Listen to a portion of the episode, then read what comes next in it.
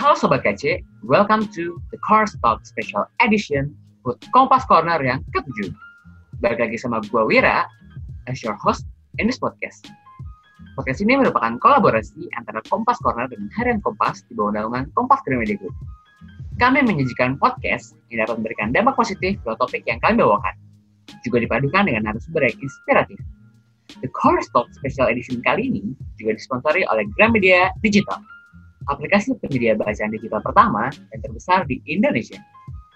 Jadi, kalian sudah siap untuk menyimak The Car Talk with Talk so inspired. Listen to us through Spotify, Apple Podcast, or your favorite podcast platform. Halo Sobat KC, pada episode kali ini, tim TCT akan membahas how to stay fit during pandemic. Meskipun mencuci tangan, minum vitamin, dan menjaga kebersihan lingkungan sangatlah penting, tetapi ada hal lain juga nih yang penting. Seperti kita juga harus rajin menjaga kesehatan kita. Tidak hanya kesehatan fisik, namun juga kesehatan mental. Nah, kira-kira gimana ya cara menjaga kesehatan tersebut selagi di rumah aja? So, let's check it out. Selamat Hai, siang. Perkenalkan nama aku Wira sebagai host di podcast kali ini. Oke. Sebelumnya aku panggil kakak, mbak, atau apa nih? Kakak boleh. Kakak ya, Kak Laila berarti. Oke. Oke, sebelumnya aku baca profil singkat Kak Laila dulu ya. Jadi Boleh. Kak Laila Muraf ini merupakan seorang, seorang health instructor sekaligus pemilik dari Sanu Studio. Selain menjadi instructor, Kak Laila juga memiliki bisnis third culture clothing nih kalau nggak salah nih. Itu waktu zaman muda tuh third culture clothing. Oh, sekarang Zaman udah enggak ya? merintis mencari jati diri. Sekarang udah ketemu gitu. Alhamdulillah udah ketemu jati dirinya. Wih, jadi apa tuh Kak kalau boleh tahu?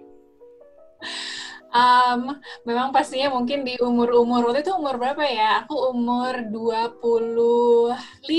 Umur 25 tuh um, kebetulan memang lagi kerja di US. Aku kuliah di US, habis itu lanjut kerja. Oh. tapi mungkin itu namanya quarter life crisis tiba-tiba kepikiran kok kayaknya saya nggak mau ya mengerjakan yang saya kerjakan sekarang ini Mm-mm. dalam jangka panjang jangka waktu yang panjang jadi third culture clothing ini uh, lahir karena waktu itu saya pikir saya ingin memperkenalkan uh, budaya Indonesia yaitu batik ke Amerika gitu jadi um, Wow. waktu itu lagi mencoba-coba Keren untuk belajar tentang batik, tentang bajunya sebenarnya uh, batiknya dalam bentuk baju, bajunya kebetulan baju olahraga juga sih. Jadi kayaknya ada hubungannya, udah ada hubungannya. Oke, oke, paham, paham, paham. Oh iya, sebelum itu, sebelum kita mulai ke topik, kira-kira kita pengen ngulik dulu nih tentang background Kak Laila itu siapa sih sebenarnya? Boleh kan Kak? Boleh. Oke, jadi katanya dulu kakak itu pernah di US ya. Kira-kira itu ngapain sih Kak di US? Jadi aku kebetulan pindah ke US waktu umur 16 tahun untuk uh, SMA, melanjutkan SMA di sana. Oh, SMA. Um, Oke. Ah, jadi kebetulan aku dua bersaudara dan kakakku kuliah. Jadi sama mama langsung dikirim udah berdua aja katanya. Jadi aku melanjutkan um, SMA-nya kelas 2 SMA di US, lanjut terus kuliah dan sempat kerja di sana um, dua tahun. Jadi aku lulus tiga tahun deh aku lulus 20 2005 akhir habis itu 2008 akhir aku berhenti kerja Oke, dan terus pulang ke Indonesia. oh pulang ke Indonesia. Udah nggak betah Iya. di sana? Apa tahu gimana Kak? Ah, tiba-tiba ketemu jodohnya di sini tuh gimana ya? Oh, oh oke oke. Terus di sana juga sempat belajar zumba ya Kak kalau nggak salah. Iya, jadi memang tadi pas aku cerita transisi, pas aku merasa kok kayaknya aku nggak nggak happy sama apa ya kesibukan yang aku jalankan, um, aku mulai mencari hal-hal yang kira-kira bisa apa ya memberikan aku kebahagiaan um, dan membuat aku mungkin lebih sehat. Karena waktu itu jujur aku um, mulai olahraga tuh ya umur 25 pas ketemu Zumba ini dan Oke. um, Zumba pun aku diperkenalkannya oleh tanteku yang kebetulan um, sangat aktif dari muda, sangat gemar berolahraga. Jadi mungkin dia gemes juga ngeliat keponakannya yang nggak suka olahraga. Jadi Oke. dia ajakin aku untuk coba, ayo coba uh, ikut ke kelas Zumba. Kebetulan waktu itu kita cobain bareng-bareng setelah pulang kerja dan dari situ aku langsung hooked, langsung suka banget sama programnya dan akhirnya ngambil sertifikasi. Oke, sertifikasi di US sana, Kak? Pas lagi di US, ya. Oh, wow. Oke, inspiratif banget ya. Oke, menarik banget nih, Kak. Terus eh, dari sana pas balik Indo eh, langsung lahir lah Sana Studio gitu, Kak. Um, aku pulang tahun 2010. Jadi 2010 tuh aku pulang. Jadi setelah aku berhenti kerja tahun 2008 itu, aku punya waktu 2 tahun untuk mencari jati diri, untuk Oke. mencari tahu sebenarnya apa yang saya mau lakukan uh, ke depannya dan um, dua tahun itu aku uh, menjalankan uh, usaha yang third culture clothing itu Yes. Tapi produksinya kan di Indonesia. Jadi aku bolak-balik memang um, enam bulan di Indonesia enam bulan di US and then pulang ke yang kedua kalinya tahun 2009 kebetulan aku um, ketemu dengan jodohku. Uh, jadi oke. ya aku masih bertukar apa ber apa ya, berputar pikiran lagi saya harus harus uh, melakukan apa ya punya usaha apa atau punya pekerjaan apa yang bisa saya lakukan di Indonesia karena berarti kan saya akan menetap di Indonesia dalam waktu uh, lama Right. Ya. jadi um, memang uh, saya walaupun uh, belum pulang for good, udah mulai memperkenalkan Zumba ke teman-teman sekolah dulu. Gitu. Jadi Oke. um, saya akhirnya uh, waktu itu belum. Jadi Sana Studio baru lahir tahun 2012. Ya. Jadi ada waktu dua tahun saya memperkenalkan Zumba itu dari uh, private classes, jadi dari rumah ke rumah, saya sewa studio um, untuk bikin kelas sendiri gitu. Jadi mungkin sam- sambil melihat, kalau pada saat itu mungkin aku nggak ada bisnis plan-nya sama sekali, tapi kalau sekarang ngelihat ke dulu itu sebenarnya masuk ke dalam plan, which is itu kayak uh, market research-nya aku ada atau enggak sih sebenarnya um, Yes. yes. komunitas yang tertarik untuk belajar Zumba. Zumba ini atau mulai berolahraga karena uh, tahun 2010 itu uh, belum ada uh, butik studio di Indonesia kecuali mungkin waktu itu punyanya uh, Ibu Cintami um, yang ada di Wijaya. Pokoknya itu udah atau sanggar-sanggar tari biasanya. Jadi memang butik studio seperti sana studio itu belum ada. Dan um, setelah saya nikah 2011 saya bersama suami dan bersama para ipar um, apa ya brainstorm dan akhirnya setuju untuk menjalankan usaha ini bersama. Oke. Oke, jadi begitulah sekilas kisah dari sana studio ya kak. Kisah dari sana studio. Yes. Oke, sekarang kita udah mulai masuk topik aja nih ya kak. Yes. Oke, itu kakak mul- mulai menerapkan hidup sehat itu sejak dari US atau bagaimana kak? Iya memang um, saya mulai mulai berolahraga waktu memang masih di US karena ngelihat um, tante saya dan melihat saudara-saudara saya yang memang hidupnya uh, jauh lebih aktif dari segi fisik ya nggak usah deh nggak usah yang masih muda nenek saya aja jauh lebih aktif dibanding saya pada saat itu Oh wow. Iya, uh, beliau berenang rutin tiga kali seminggu dengan puasa uh, Senin Kamis. Nah, masih tetap bisa menyisihkan waktu untuk berolahraga tuh buat saya um, apa ya suatu motivasi.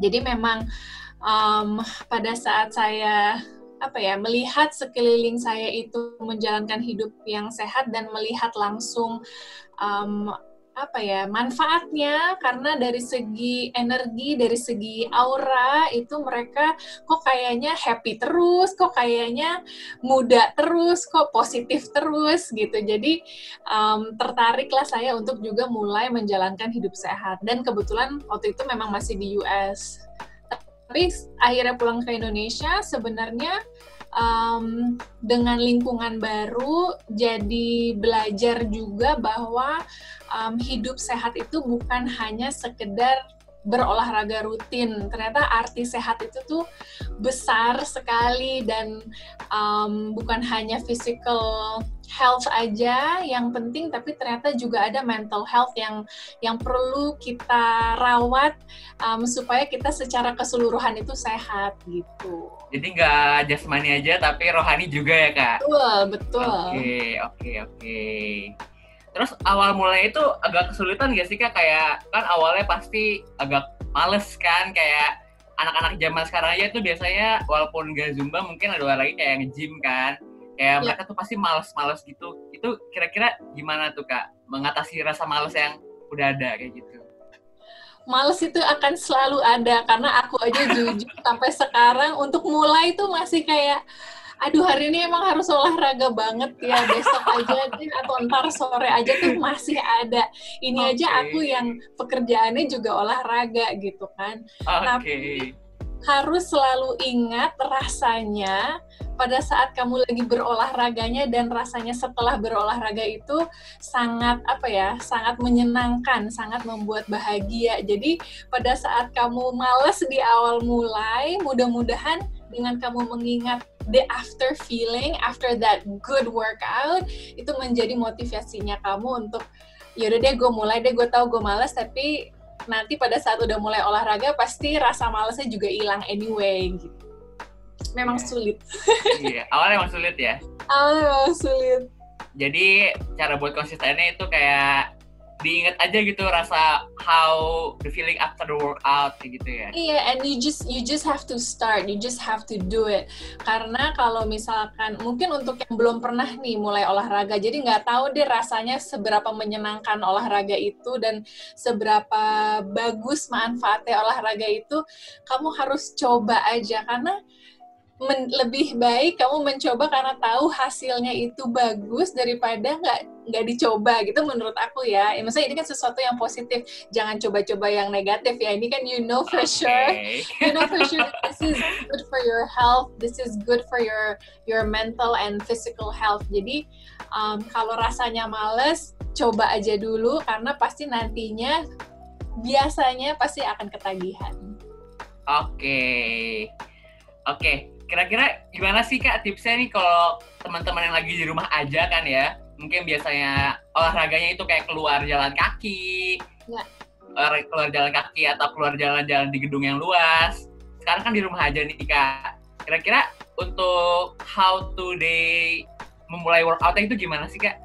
Oke, okay, actually dengan sekarang udah berminggu-minggu uh, kita semua di rumah.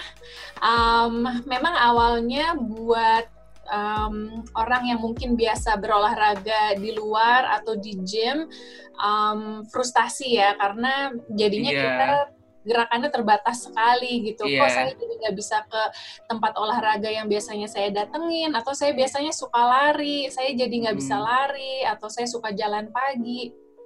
Um, setelah udah berapa minggu dijalankan, mudah-mudahan udah bisa melihat sisi positifnya bahwa banyak sekali studio-studio yang menawarkan online classes, which is salah satunya juga Sana Studio. Jadi justru kalau kamu lihat sisi positifnya, mungkin selama ini kamu cuma ngelihat dari social media dari studio-studio ini, terus mikir, aduh enak juga ya kalau misalkan bisa berolahraga bersama komunitas tersebut.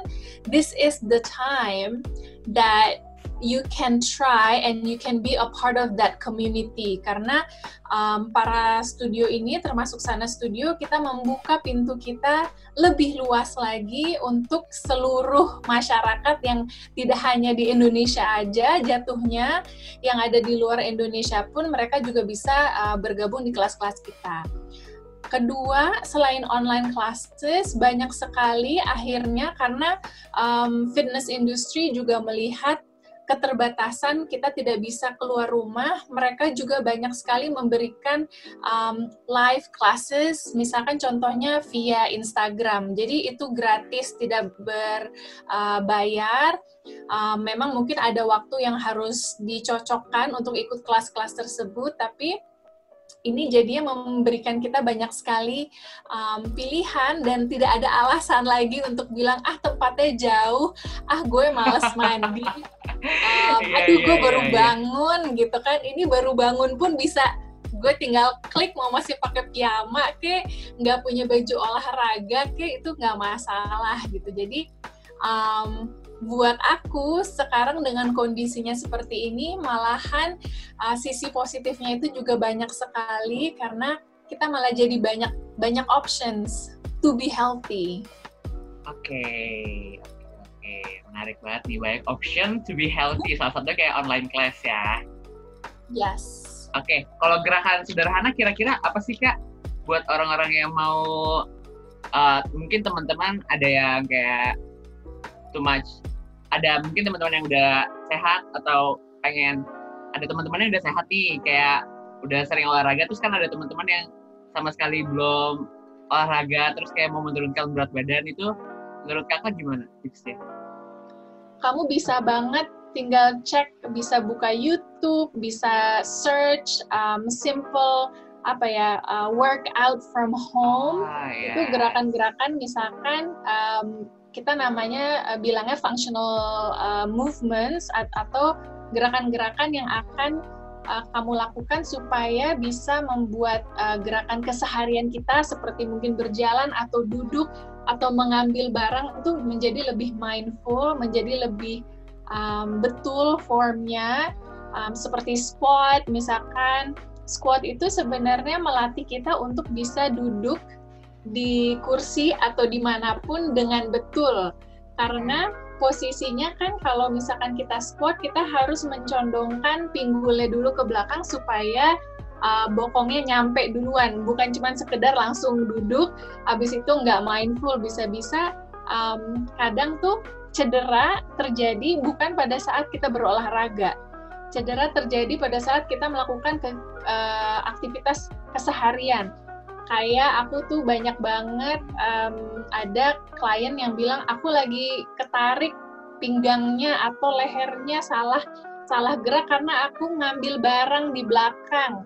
Lagi nyetir lagi di mobil aku ngambil barang terus nggak mindful nggak nahan core dadanya nggak dibuka. Karena kan nggak kepikiran dong kalau iya iya iya. Kayak buru-buru kan kayak buru-buru ya gitu. kan jadi memang ternyata olahraga itu bukan hanya sekedar untuk supaya badannya bugar, supaya um, badannya bagus atau fit, tapi juga supaya kita lebih aware sama gerakan-gerakan kita sehari-hari. Jadi bisa banget kamu Google atau search um, workout from home atau easy workout supaya kamu bisa coba-coba dulu dan banyak sekali video-video yang memang mengajarkan step by step gerakan tersebut.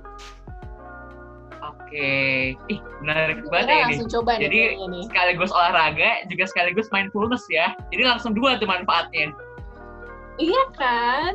Iya, Jangan iya, mau iya. rugi kita. Kita boleh lelah, tapi dari setelah lelah itu kita mendapatkan badan yang sehat, mendapatkan ilmu karena kita jadi lebih aware harus bergerak seperti apa.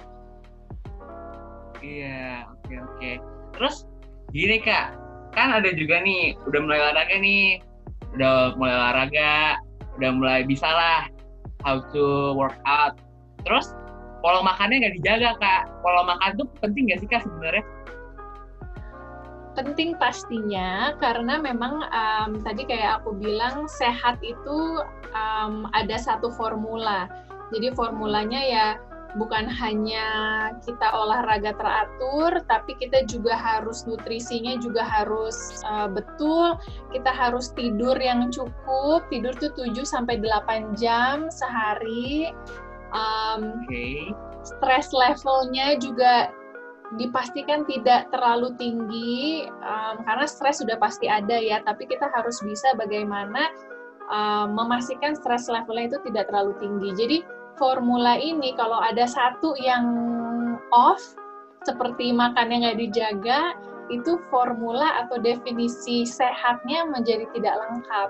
Jadi memang um, untuk mengubah pola hidup menjadi pola hidup yang sehat itu um, memang tidak mudah mungkin awalnya untuk dikerjakan karena banyak kegiatan-kegiatan yang kamu jadi apa ya jadi dipikir ulang aku worth it nggak ya untuk melakukan itu? Worth it nggak ya untuk aku stay up late um, dan apa membuang tidurku yang mungkin bisa 7 jam atau 8 jam? Jadi misalkan cuma 4 jam um, jadi memang itu tuh semua harus harus dipikirkan uh, tipe makanan tipe minuman apakah kamu uh, misalkan merokok itu banyak sekali um, yang masuk ke dalam formula uh, pengertian hidup sehat. Oke, hmm, agak banyak ya mulai dari pola makan, pola istirahat, pola olahraga, ya. pola mindfulness juga. Oke, okay, oke. Okay.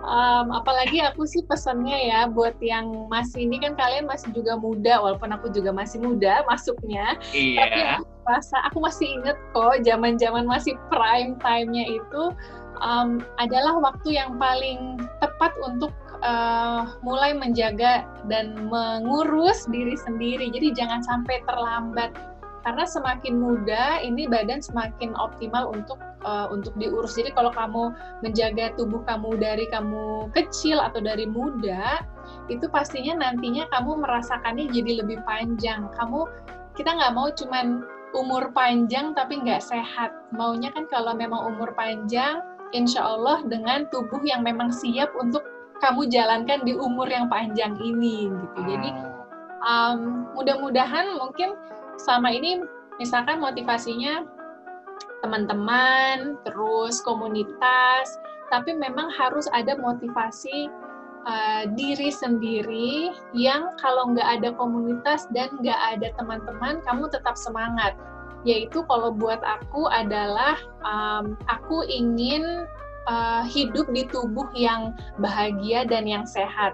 Karena kalau nantinya misalkan nanti Wira mulai berkeluarga, pasti kamu ingin keluarga kamu merasakan kamu yang 100%, kamu yang sehat, um, kamu akan menjadi contoh ya kan, kamu akan menjadi contoh dari um, sekeliling kamu atau dari keluarga kamu supaya nantinya mereka juga menjalankan hidup yang lebih baik, hidup yang sehat. Mungkin sekarang um, kalau kita lihat orang tua kita, kita kalau mereka sudah semakin tua rasanya kayak kok mereka oh. udah udah umur ya gitu ya kan. Pasti sebagai anak ada perasaan um, takut kehilangan. Tapi kalau kita melihat orang tua kita they are doing their best to maintain their health. They're doing their job untuk menjaga kesehatannya supaya mereka bisa menikmati kita dan kita bisa menikmati mereka. Itu buat aku um, mudah-mudahan bisa menjadi motivasi terbesar sih. Um, adalah um, ini untuk kamu dan untuk kamu di masa depan bersama keluarga kamu gitu.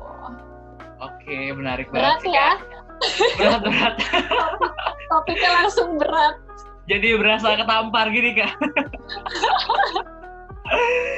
Oke oke oke paham paham. Terus kan tadi kayak ini menarik poin yang olahraga itu kan buat body olahraga itu kayak doing exercise terus pokoknya bergerak lah istilahnya. Dan juga sama mindfulness thing.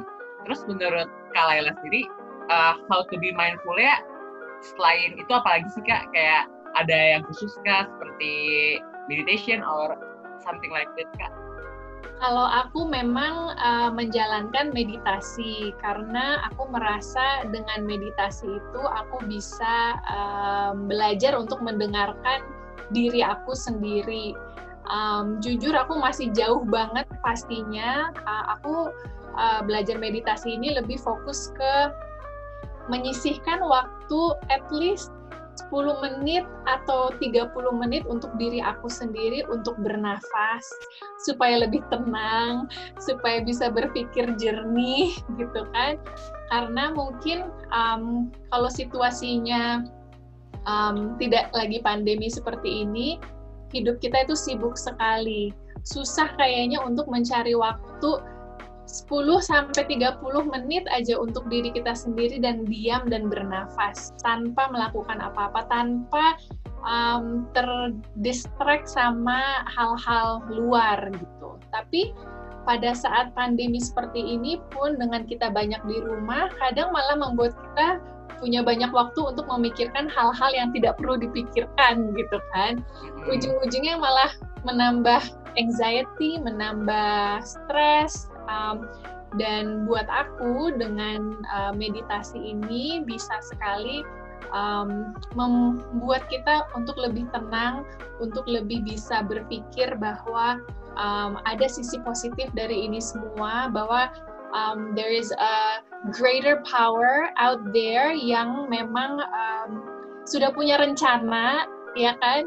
Kita di sini sebagai manusia kita berusaha dan berdoa um, mudah-mudahan apa yang kita jalankan ini adalah yang terbaik untuk kita dan untuk orang lain. Tapi aku memang meditasi dan beribadah itu buat aku penting sekali untuk uh, untuk lebih mindful um, dan lebih lebih jernih aja untuk berpikir. Oke, menarik banget kak. I, aduh, aku sampai speechless nih. uh, aku di uh, aku juga disuruh sama orang tua meditasi meditasi tapi aku kayak ah oh, sih? Gue malah lebih ke lebih suka main HP terus lebih suka ya doing other stuff lah daripada meditasi ah gak boleh sih meditasi oh mending main game misalnya kayak gitu. Ya um, apa ya meditasi untuk uh, sebagian orang masih menjadi sesuatu yang um, apa sih meditasi masih tabu untuk komunitas kita? Dan ya, soalnya kan kayak ada afiliasi dengan agama tertentu kan kak. Yes. Dan uh, meditasi itu nggak ada hubungannya sama sekali dengan dengan agama. Jadi um, bukan berarti kalau kamu meditasi terus kamu tidak menjalankan kewajiban kamu dan agamamu itu salah banget. Kamu tetap kewajiban kamu tetap harus kamu jalankan. Itu kan yang wajib ya kan? Meditasi ini adalah suatu sarana lain yang mudah-mudahan bisa membantu. Kalau untuk aku alhamdulillah dengan aku meditasi aku sholatnya jadi lebih khusyuk karena aku bisa uh, mulai melatih otak aku nggak ke mana-mana pada saat aku lagi sholat gitu. Karena kalau aku sholat misalkan tiba-tiba oh iya ya aku baru ingat aku tuh seharusnya melakukan ini. Oh iya, ada deadline, ada deadline. Ada deadline, aku mesti. Padahal paling beribadah itu paling makan waktu berapa menit sih, gitu kan. Jadi dengan aku uh, meditasi di luar dari aku beribadah itu malah membuat menurut aku untuk aku ya membuat ibadahku jadi lebih khusyuk karena aku bisa um, apa ya, menghilangkan si monkey mind yang suka loncat ke mana-mana untuk lebih fokus pada saat saya beribadah ya saya komunikasi sama Tuhan saya. Jangan habis itu kamu mikir kompornya udah mati apa belum atau habis ini saya harus ngirim email ke siapa gitu kan. Jadi meditasinya kayak perhatiin nafas aja gitu ya kak? Iya, sebenarnya meditasi sesimpel kalau misalkan baru pemula, memang fokus ke nafas aja, inhale, exhale-nya, dan kamu berusaha kayak ngedengerin diri sendiri aja sih gitu. Yeah, yeah. Kalau misalkan kalau kita lagi kesel banget atau lagi marah atau lagi sedih, itu juga sama aja. Tarik nafas dulu sebelum kamu bereaksi. Itu sebenarnya sama aja dengan meditasi.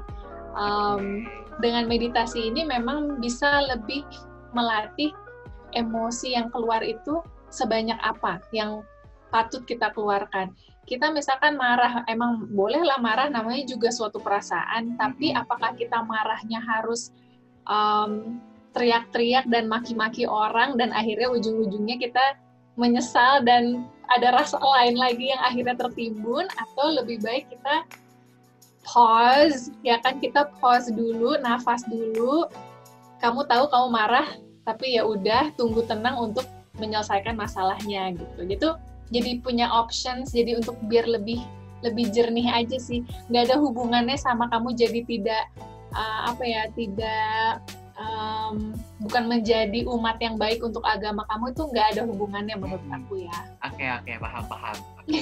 Jadi buat teman-teman di sana mungkin bisa kali mulai meditasi dan olahraga juga kali ya kak. iya dong Oke.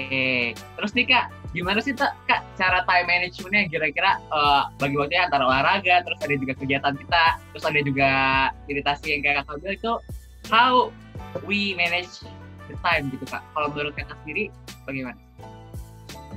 um, how do we manage time dengan kita ada di rumah aja nih sebenarnya lebih challenging kalau menurut aku karena jadinya kayak pengennya cuma tiduran aja nggak pengen ngapa-ngapain atau misalkan ke bawah suasana sama si work from home ini kita nggak tahu kapan waktunya untuk taruh laptopnya dan tidak mengerjakan pekerjaan itu juga banyak sekali yang seperti itu jadi kayak sekarang kan nggak kenal weekend ya weekend yang mungkin Iya. seharus All day is weekend. ya kan yang seharusnya Iya. adalah your leisure time atau harinya kamu istirahat sekarang jadi lupa ada weekend. Kadang kamu pakai waktu istirahatnya kamu malah untuk bekerja juga. Jadi kalau buat aku mungkin salah satu caranya untuk memanage uh, waktu kamu adalah kamu buat buat jadwal buat time management. Um, jadi misalkan di Sabtu dan Minggu sisihkan waktu untuk buat jadwal untuk satu minggu ke depan apa aja yang mau kamu lakukan dan latih diri kamu untuk uh, disiplin sama jadwal yang udah kamu buat. Misalkan hari Senin aku jam 9.30 pagi mau berolahraga. Jadi kamu jam segitu ya kamu olahraga.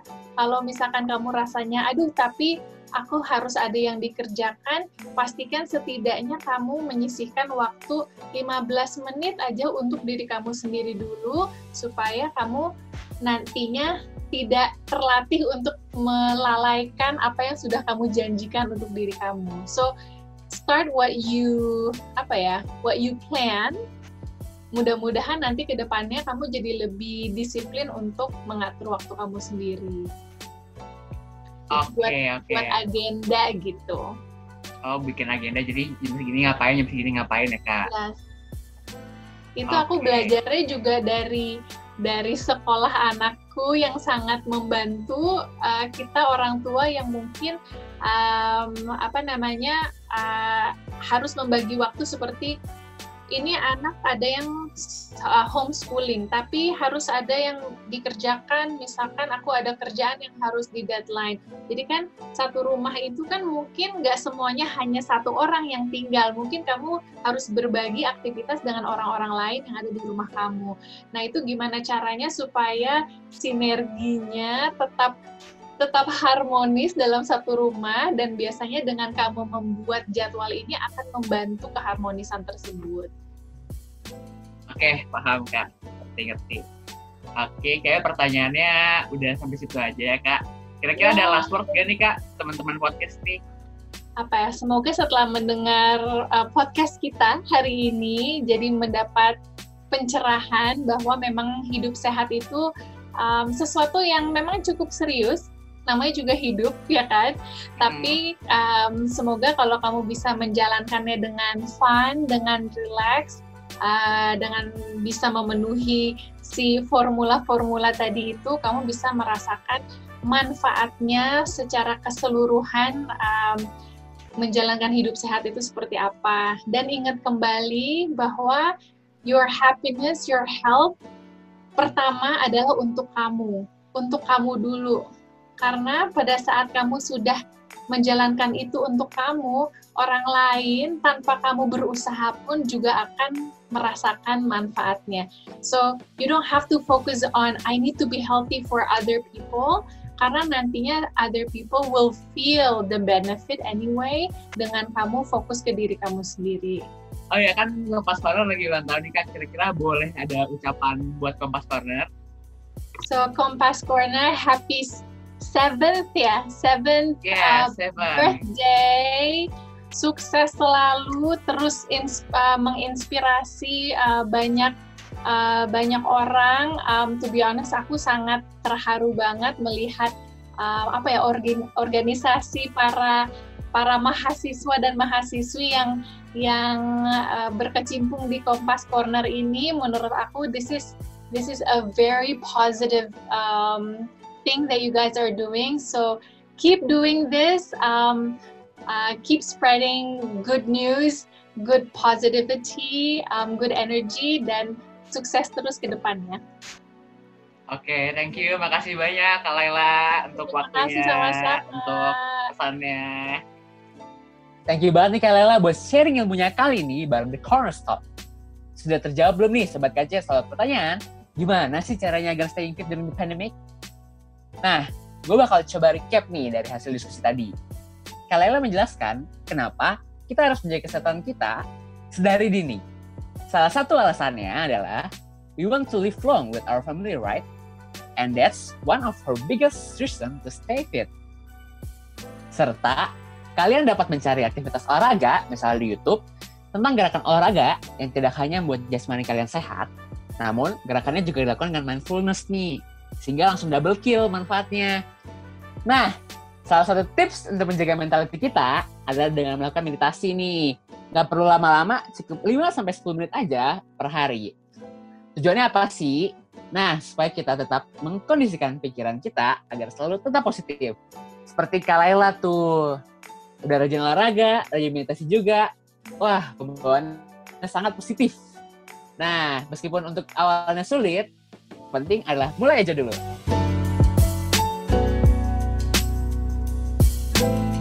Sudah download Gramedia Digital belum?